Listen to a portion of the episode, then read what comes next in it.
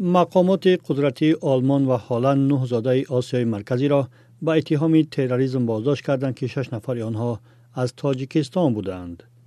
داستانی آلمان در اظهارات گفت بازداشت شدگان به تأسیس گروهی تروریستی و دستگیری گروهی تونروی دولت اسلامی متهم می شوند. چون و چرای موضوع را در این گزارش از من محمد و فاریزا زاده بشنوید. داستانی آلمان روز پنجشنبه ششم ایول گفت هفت مرد در ایالت غربی رین وستفالین شمالی بازداشت شدهاند. با گفته این منبع از میان آنها یک نفر از ترکمنستان، یک نفر از قرقیزستان و پنج کسی دیگر از تاجیکستان هستند.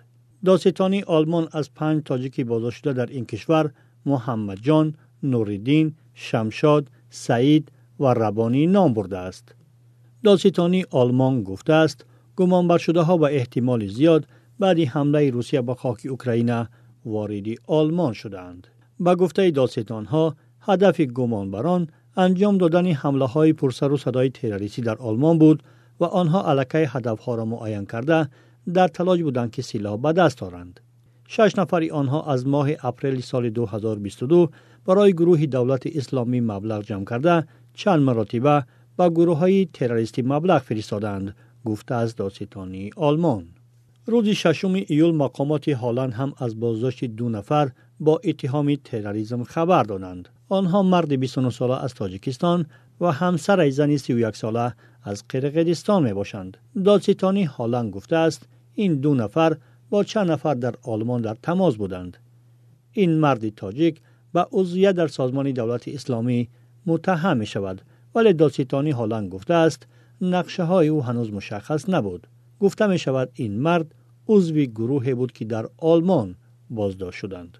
این دو نفر از سال 2022 در هلند زندگی می کردند و برای آمادگی به عملیات تروریستی گمانبر می شوند. این مرد همچنین به عضویت در گروه تونروی دولت اسلامی گمانبر دانسته می شود گفته از داستانی هالند. هویت شخصانی بازداشت شده در هلند آشکار نشده است. این بار اول نیست که زادگان تاجیکستان در اروپا به خصوص در آلمان با اتهام تروریسم بازداشت می شوند.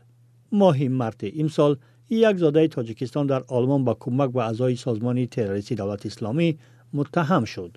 سال گذشته آلمان پنج زاده تاجیکستان را با گناه عضویت در گروه تونروی دولت اسلامی یا داعش و زندان محکوم کردند. آنها از سه سال و هشت ماه تا نه و نیم سال زندانی شدند. هرچند پدر یک از آنها گفته بود پیسرش تجارت داشت و از آلمان به دوشنبه قسم های احتیاطی ماشین میفرستاد. با گفته مقامات تاجیکستان از زمان ظهور گروه دایی در سال 2013 بیش از 2000 شهروند تاجیکستان به سوریه و عراق رفته و صف گروه های تونرا و بخصوص دایش پیوستند. در این میان صدها نفر کشته و زخمی شده تعداد را هم به تاجیکستان برگرداندند.